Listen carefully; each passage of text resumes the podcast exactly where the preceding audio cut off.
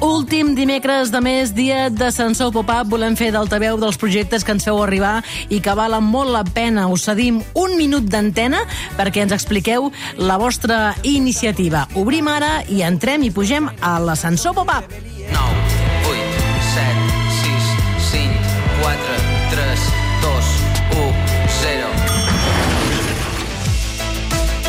I ens obre la porta la Marta Cristià. Hola, Marta, com estàs? Hola, Mariola, molt bé. Mira, avui puja a l'ascensor Pop-Up una plataforma de lectura interactiva. Sí, es diu Fiction Express i la seva intenció és millorar la competència lectora. Ens explica com ho aconsegueixen Cristina Puig, cofundadora de la plataforma. Fiction Express és una plataforma digital per a escoles que treballa la lectura de forma integral. Nosaltres proposem la cocreació de novel·les entre autors professionals i lectors d'entre 9 i 16 anys, que vindria a ser entre cinquè de primària, més o menys, i quart de l'ESO. Ho fem en català, en castellà i en anglès, i els llibres es publiquen cada 8 setmanes i durant tot l'any escolar, des de setembre fins al juny. El que fem és impulsar l'hàbil lector i les competències lingüístiques en aquestes noves generacions amb una metodologia única que els motiva a llegir i els implica directament en la creació de l'argument, i ho fem a través del fòrum interactiu i d'una plataforma de votacions. De tot això, els docents poden avaluar i poden avaluar, obtenen dades i proposen altres activitats. No? Al final poden posar la nota final amb molta més informació.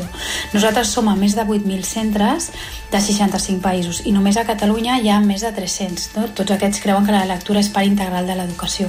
Convidem els professors sempre a provar la plataforma a www.fictionexpress.com. Aquestes novel·les les cocreen amb autors com Víctor Panicello, Rubén Montanyà, Jordi Cervera o Tanit Tubau. I hi han participat més de 20.000 alumnes catalans. No ho puc evitar, ja no sé com fer-ho, m'ha arribat a les mans. Un coti ben salsero que m'ho... Continuem amb una empresa que té com a objectiu fomentar un bon ús dels videojocs. Són Good Game Generation i treballen per generar un entorn saludable al voltant dels videojocs. Una iniciativa molt necessària tenint en compte que, segons dades de l'Associació Espanyola del Videojoc, un jugador estàndard de mitjana dedica més de 8 hores setmanals a l'ús d'aquests jocs. Així presenta el projecte un dels fundadors, Gerard Cruzet. Hola, doncs nosaltres som un projecte barceloní anomenat Good Game Generation que tracta de donar un nou context al món dels videojocs. Vam ser la primera generació que es va trobar amb aquesta forma d'entreteniment sense tenir cap referent que ens marqués unes pautes de com, quan o amb qui jugar. I és possible que d'aquesta manca d'informació entre generacions hagin aparegut tots els perills i amenaces que ara envolten els videojocs. Després d'uns anys i d'ajuntar-nos les persones indicades, ens sentim capacitats per donar-li la volta. Good Game Generation neix amb l'objectiu de transformar l'amenaça en una oportunitat. I és que els videojocs han vingut per quedar-se i pot ser contraproduent enfrontar-nos-hi amb totes les nostres forces. Per tant, la necessitat resideix en conscienciar en el bon ús dels mateixos. Nosaltres oferim xerrades i tallers a escoles i centres culturals on es tracta d'acostar aquest entorn tecnològic a les famílies per tal de proveir d'eines que ajudin a gestionar l'ús dels videojocs a casa i als mateixos centres. Alhora, fem cursos on, per una banda, es busca un equilibri entre les pantalles i les activitats a l'aire lliure, promovent un estil de vida saludable. I, per l'altra banda, s'entrenen competències i habilitats tan importants per la vida com la presa de decisió, la comunicació, la tolerància a la frustració, el lideratge o l'escolta activa. Ara mateix estem treballant des de l'Espai Jove Casa Senyer Barcelona i ja estem duent a terme col·laboracions amb escoles, AMPAs i centres cívics amb l'objectiu d'establir relacions sanes entre els videojocs i les següents generacions. Trobeu més informació de tot el que fan al seu web goodgamegen.com. La veritat és que tenim propostes molt interessants i que cada vegada ens en arriben més de, diversos, de diverses maneres. Us eh, viralitzarem a través de les xarxes socials del Pop-Up on aneu entrant en aquests moments. Som Pop-Up Cat Radio a Twitter, Facebook, Instagram, també a Telegram. Doncs, eh, I després podeu recuperar també el podcast del programa amb totes aquestes recomanacions. També puja avui a l'ascensor, aquest minut que us donem de temps per promocionar les vostres iniciatives digitals, una exposició. Es diu Quadros con Esperanza i combina la intel·ligència artificial, la robòtica i l'art per conscienciar sobre un tipus de càncer de mama. Ens explica com ho han fet David Marín, directiu de Gilead, l'empresa biofarmacèutica que l'organitza. En este proyecto lo que hicimos es entrevistar a tres pacientes con cáncer de mama triple negativo metastásico y les preguntamos por tres momentos de su enfermedad. Y la entrevista giró en torno a cuáles fueron sus sentimientos, cuáles fueron sus mm, emociones en esos tres fases, ¿no? en la fase de diagnóstico, en la fase en la que asumen lo que tienen y en la fase en la que se le habla de que a través de la innovación y a través de los ensayos clínicos pueden tener una, una alternativa. Con estas eh, entrevistas eh, se les pasó a través de una inteligencia artificial que transformó esas emociones en datos y un brazo robótico transformó esos datos en cuadros, en pinturas, que es lo que estáis pudiendo ver en la, en la exposición. Esto refleja un claro compromiso de Gilead con estas pacientes, con las pacientes de cáncer de mama triple negativo metastásico, que generalmente son mujeres jóvenes, con vidas activas, con familias, con trabajos y que en un momento ven interrumpida esa, esa vida cotidiana. ¿no? Y por supuesto con el propio cáncer de mama triple negativo metastásico. Quadros con Esperanza es pot veure a l'estació de França de Barcelona fins al 3 de març.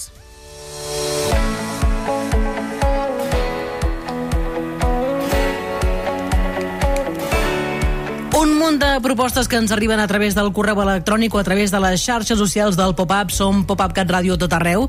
Avui a l'ascensor Pop-Up també una iniciativa d'una empresa de Lleida que ens ha agradat moltíssim per celebrar els seus 40 anys. L'empresa de cuines Ubelsa ha fet això. A la casa dels Garcia, des de fa generacions, tenen la cuina de sempre i van sumant reparacions. Això ja els va fer la guitza quan estaven confinats, perquè hi ha electrodomèstics que han quedat ben desfassats. La campana ja no xucla, les aixetes tenen calç. I ara us preguntareu, i què és això que sona? Veu sap tot el Marc Banzo, que és el director de màrqueting d'Ubelsa. Hola Marc, com estàs? Hola, bones, bones. Bon dia. Home, us heu treballat molt, eh? Per celebrar els 40 anys heu fet una auca il·lustrada en paper i també en format audiovisual i vídeo. Eh, Com se us va acudir aquesta idea? Sí, pues, mira, com que fèiem 40 anys, vam, vam buscar documentació històrica de la casa i vam veure que abans eh, el nostre avi ho feia així, sempre comunicava les campanyes amb una auca. I vam pensar que, que seria divertit intentar de fer una auca adaptada als nous temps, de, de forma digital. I el resultat ara l'estàvem escoltant, que és, que és, que és preciós. Ah, clar, veu regirar calaixos de materials de, del teu padrí, no? Eh, I vau trobar Sí. aquella auca que havia ideat i vau dir, va, hem de fer, com diríem, l'auca actualitzada al 2023.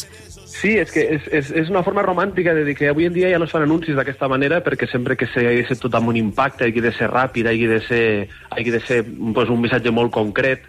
I nosaltres, que som una empresa de moble de cuina, que sempre estem acostumats a la ebanisteria, no som amics de la velocitat, és a dir, tot s'ha de cuinar a poc a poc. I vam pensar que, que hem de ser coherents amb el nostre negoci, la manera que fem les coses, que és tradicionalment, i vam creure que una AUCA seria una, una gran manera de, de celebrar el 40 aniversari i, i, bueno, i, i bueno, vam descobrir que pues, per fer-ho vam comptar amb artistes, vam comptar amb, amb gent de Lleida de, que ens va ajudar moltíssim a fer-ho i, i bueno, eh, aquest és el resultat que l'estàvem sentint eh, i, i ha agradat Clar, moltíssim, la veritat, ha agradat molt. És, és que penso aquesta barreja, no? que sembla que si fem servir xarxes i estem en el món digital ha de ser tot com molt només d'ara, no? I en canvi, no? Aquesta barreja de l'ofici que, que esteu fent, no? I, i, i, i fent servir doncs, el més útil de les xarxes, vosaltres, per exemple, heu muntat altres accions via xarxes amb col·laboracions, per exemple, amb Postureig de Lleida, o heu fet una campanya quilòmetre zero total, il·lustracions de Matías Tolsà, guió, música i veu de Ferran Aixalà, producció de David Prades, vídeo Jaume Sans, eh, és a dir, que gent que està superactiva ara, no? Totalment. A la, a la zona de Lleida ens vam donar compte que si volíem fer una auca no és tan senzill, és a dir, fa falta una il·lustració, fa falta un guió, fa falta una música, un compositor, i vam fer-ho en temps que era justament després de la pandèmia, perquè ho vam estar... La història de l'auca explica una mica com ha viscut la gent a casa seva a la cuina. I, i vam intentar també intentar de buscar els artistes locals per aprofitar que tothom estava molt parat per intentar que el, el, la despesa o la inversió en aquesta campanya també es quedés a Lleida, que era la intenció també principal, i com que estàvem celebrant el 40 aniversari, doncs vam dir, bueno, doncs ja tenim l'oportunitat de, de fer-ho amb, amb de, de, fer un, una, una acció important i vam fer-ho amb, amb, gent, amb gent local, amb gent d'aquí de Lleida. El disseny de Montse Pochielo, de Creativa. Clar, eh, heu reivindicat el talent local, però i ara ens estàvem plantejant, no? Tu ets de la tercera generació de l'empresa familiar. No sé si us ha costat molt introduir les xarxes, la digitalització, aquests creadors a, a la resta de la família. Bueno, mm, això qualsevol que, que conegui una empresa familiar eh, sí, és complicat, però és més, té més a veure amb, amb el tipus de negoci que nosaltres tenim, que és, que és artesania, que és, que és eh, que és ebanisteria, és fusteria. Aleshores, hi ha moltes parts del negoci que no es poden digitalitzar. El treball en fusta eh, no, no, no entén tampoc moltes vegades d'internet. Aleshores, fer aquesta combinació de la part digital i la part, i la part artesanal és, és, és un secret que estem tots lluitant a veure com, com el fem realitat. I aquest auque també ha sigut una, un, un, un exemple d'això, d'intentar una, una cosa tan tradicional com pot ser un auca, que és un còmic al final eh, tan català, dius, com ho fem online, com ho transmetem online, com, com fem el vídeo, aleshores, un auca il·lustrat. Ha sigut tot un repte, encara que sembli senzill, eh, gràcies als artistes ens han ajudat d'aquí de Lleida, que ens han fet veure un món de, de creatius que, que desconeixíem i, i, mm. i la veritat que... Com que això ho estem fent per la ràdio i la gent no es pot imaginar com és aquesta auca animada, jo perquè l'he vist, però tu quan t'ho pregunten com la descrius? pues divertidíssima. La, la, la, la trobo molt divertida, la veritat. Um, és que la trobo molt divertida. Jo recomano de veritat que, que, que a vegades la gent no sembla que no tenim temps no? per, per, per veure una campanya, volem algo, un reel d'Instagram ràpid o volem algo TikTok, no? Però dedicar-hi 30 segons per veure aquesta obra d'art que han fet aquests artistes de Lleida, ja, si més no, a part de, de que fa part de la nostra empresa i de les cuines, val la pena com a peça d'art, de veritat, perquè no pensava, eh, i potser ara estirem pedres a la taulada, que quedaria tan bé aquesta auca explicant una anècdota de la pandèmia que van viure i que van viure potser moltes llars catalanes de què els hi va passar quan, quan en pandèmia van viure el, eh, la seva cuina. Explica una realitat que van viure tots d'una manera divertida, amb unes il·lustracions amb, de veritat mm, molt ben fetes i, i de veritat que qui ho vulgui veure està a la nostra web a, a ubelsa, www.ubelsa.com barra auca 40 anys Um, i si no ho pot buscar per, per, per el navegador Google que li apareixerà però de veritat que ho No sé recomano si- més que res pels artistes, artistes. No sé si la idea és també que fóssiu una mica virals, que de fet heu tingut repercussió fent això, perquè és notícia el sol fet de tenir aquesta idea, no? Sí, bueno, és, és que el que estem parlant de si tenim intenció de fer-nos virals, volíem agafar la part romàntica d'aquesta casa, de fer un auca com s'havia fet sempre, i, i bueno, amb, amb, el, amb la Montse de Creativa sempre tenen una mica una, una visió més no? de com fer-ho arribar a nivell online, sempre tenir aquesta visió més avançada de, de, de la jugada. Aleshores, eh, bueno, al final es farà viral o no? Això, això, això ho dirà la gent quan ho vegi. Home, ens ha arribat no, a nosaltres i, i veiem que tenia molt de seguiment i que això ho hem d'explicar. L'auca del senyor Garcia, una manera diferent doncs, de, des de Lleida de fer doncs, això, no, ho, ho, publicitat. ho amb agraïm molt perquè a Lleida sí que, sí que, sí que la gent ens ha hem tingut molta repercussió a nivell de Lleida perquè és quilòmetre zero i els artistes locals de Lleida i el nostre territori sí que ho han vist molt, però sempre tenim aquesta gran pregunta no, de si ha arribat més lluny de Lleida, de les Terres de Ponent. Sí, sí. I... Bé, de fet, Catalunya Ràdio també és Lleida, perquè, clar, nosaltres estem a tota Totalment, Catalunya. totalment, totalment, totalment. Una abraçada... Totalment. Una abraçada, Marc Banzo, doncs, i enhorabona per aquesta iniciativa. Gràcies, adeu-siau. Moltíssimes gràcies a vosaltres pel temps.